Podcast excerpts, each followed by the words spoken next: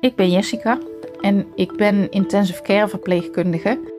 Ik ben uh, Raoul, medium care verpleegkundige en uh, IC verpleegkundige in opleiding op de IC in het UMC Utrecht. Hallo, ik ben Sandra. Ik ben IC-verpleegkundige in een groot ziekenhuis in de Randstad. Welkom bij het dagboek van het Zorginfarct.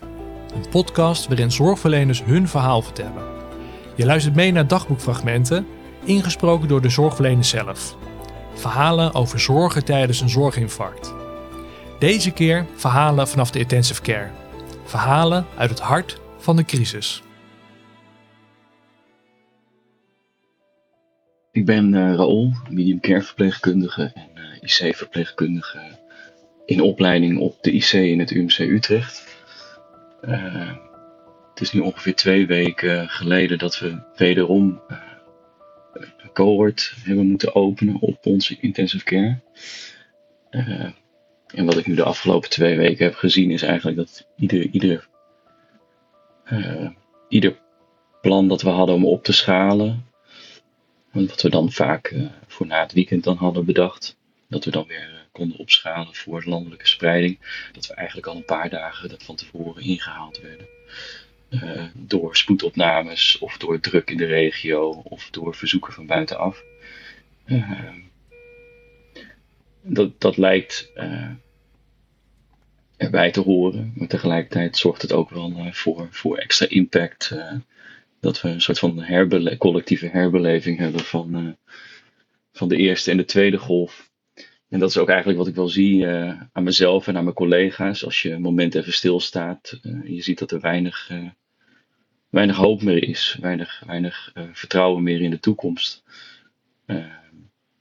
en dat maakt wel dat ik mijn werk nog zwaarder vind dan dat het al is. En dan heb ik nog het geluk dat ik student ben en redelijk gespaard word zo, althans, ik word zoveel mogelijk ontzien. Maar als het te druk is, dan is het te druk. En dan doe ik gewoon mee. En moet ik zoveel mogelijk doen wat binnen mijn kunnen ligt. Uh, en dat zorgt ook voor extra spanning. Want je staat op een gegeven moment sta je allemaal in posities waar je eigenlijk helemaal niet in wilt zitten. En dat maken we nu ook alweer te vaak mee. Uh, te veel verantwoordelijkheid, te weinig backup.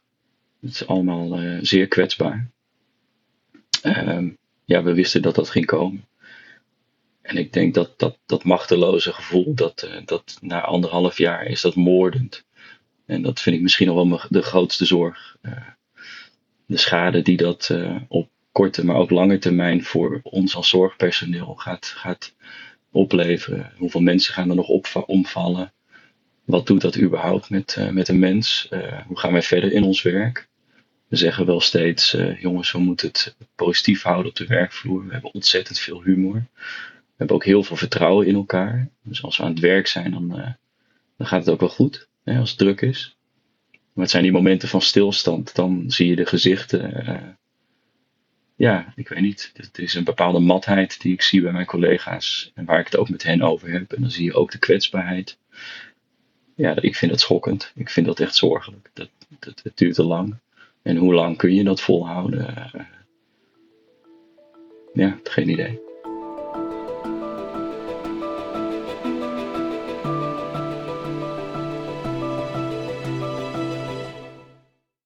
Hallo, ik ben Sandra. Ik ben IC-verpleegkundige in een groot ziekenhuis in de Randstad. Ik heb vandaag dagdienst en uh, ik werk op de algemene IC, uh, waar op dit moment uh, plek is voor 36 patiënten. daarvan zijn 34 bedden bezet en liggen 25 COVID-patiënten. Dus dat is aardig wat. Um, we hebben 66 bedden in totaal voor IC beschikbaar. En dat betekent ook dat we op uh, afdelingen buiten de IC, eh, IC-bedden hebben gerealiseerd, waaronder de PACU. Uh, en als er meer COVID-patiënten komen, dan zullen we ook nog naar een speciale COVID-IC moeten gaan uitbreiden. Maar ja, zoals bijna elk ziekenhuis hebben wij uh, te maken met uh, een behoorlijke uitstroom van IC-verpleegkundigen. En ook een uh, ziekteverzuim van 15%. Dus het is best lastig om op te schalen, om dat voor elkaar te krijgen met z'n allen. om volgende week door te kunnen gaan met het aantal bedden wat we nu hebben, hebben we echt nog wel een aantal openstaande diensten. Gisteren kregen we allemaal een appje dat er nog zeven diensten open stonden. En inmiddels uh, zijn daar drie van ingevuld en moeten dus nog vier diensten uh, ingevuld worden. Dus dat is best wel eens lastig. Maar tot nu toe is het altijd nog gelukt. Um, verder hebben we hulp van medische studenten. Ik help ook mee om die te trainen als buddy.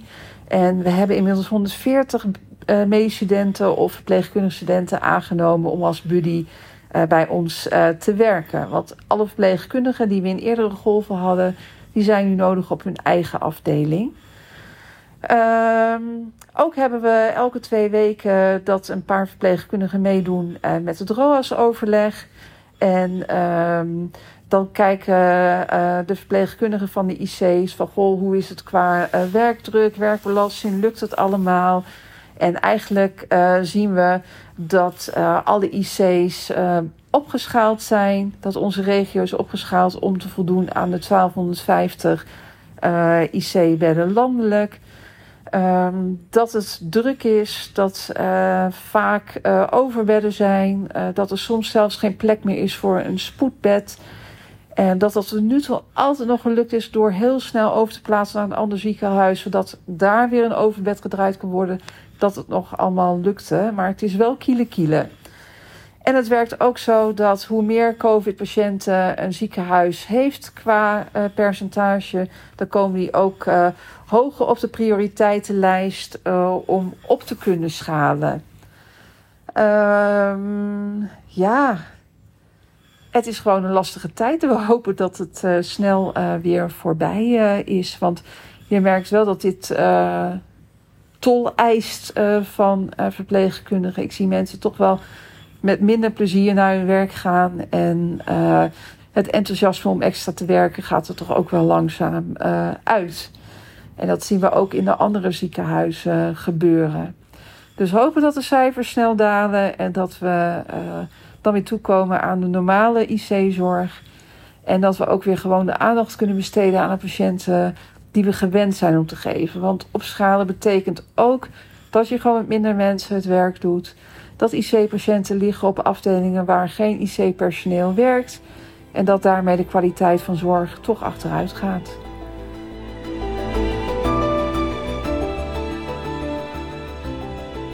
Ik ben Jessica, en ik ben intensive care verpleegkundige.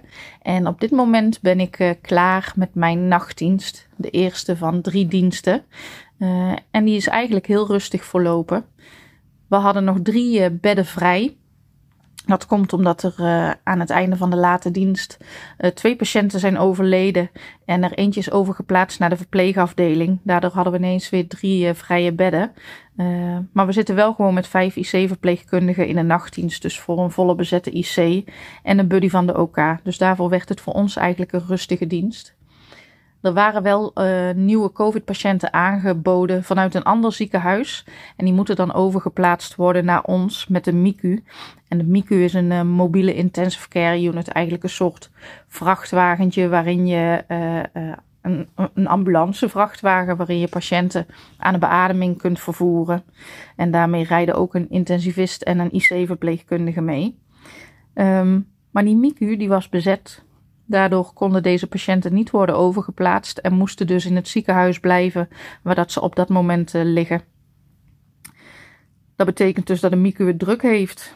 En dat komt doordat wij massaal overplaatsen uh, om die drukte op de intensive cares te verdelen. En dat is natuurlijk supergoed. We zijn daarmee heel goed bezig. Uh, maar de keerzijde hiervan is wel dat mijn patiënt al hiervoor in twee andere ziekenhuizen heeft gelegen. Die moest tot twee keer toe verhuizen naar een andere intensive care, omdat hij toen de tijd de minst zieke patiënt was om over te plaatsen. En uiteindelijk is hij bij ons overleden, na een aantal dagen nog doodziek te zijn geweest. Overleden en niet in het bijzijn van zijn familie, want die woont een aantal ziekenhuizen verderop. Dus die waren er helaas niet bij. En dan raakt het me in zo'n eindgesprek toch nog heel diep dat deze mensen zeggen van nou, maar het is oké. En dat ze desondanks gewoon tevreden zijn over de zorg die gegeven is. Ondanks dat ze toch al zes keer afscheid hadden moeten nemen van hun vader, omdat ze door de verschillende ziekenhuizen waar hij heeft gelegen meermaals in huis zijn gebeld, omdat het zo slecht ging dat ze niet wisten of dat hun vader zou komen te overlijden. En hun vader was steeds de beste patiënt. Dus wij verspreiden die IC-zorg. Dat is beter voor ons. Beter voor de drukte op de IC's. Maar ik denk dat we wel mogen concluderen dat het nooit beter is voor de patiënt. En dat we het zo min mogelijk moeten doen als het even kan. Tot zover het dagboek van deze zorgverleners. Bedankt voor het luisteren. Dagboek van het Zorginfarct is een podcast van Nienke Iepenburg, Marino van Zelst en Frank van Koten. De productie is in handen van Maarten van Woerkom. Deze podcast is geheel tot stand gekomen met behulp van jullie donaties. Nogmaals bedankt.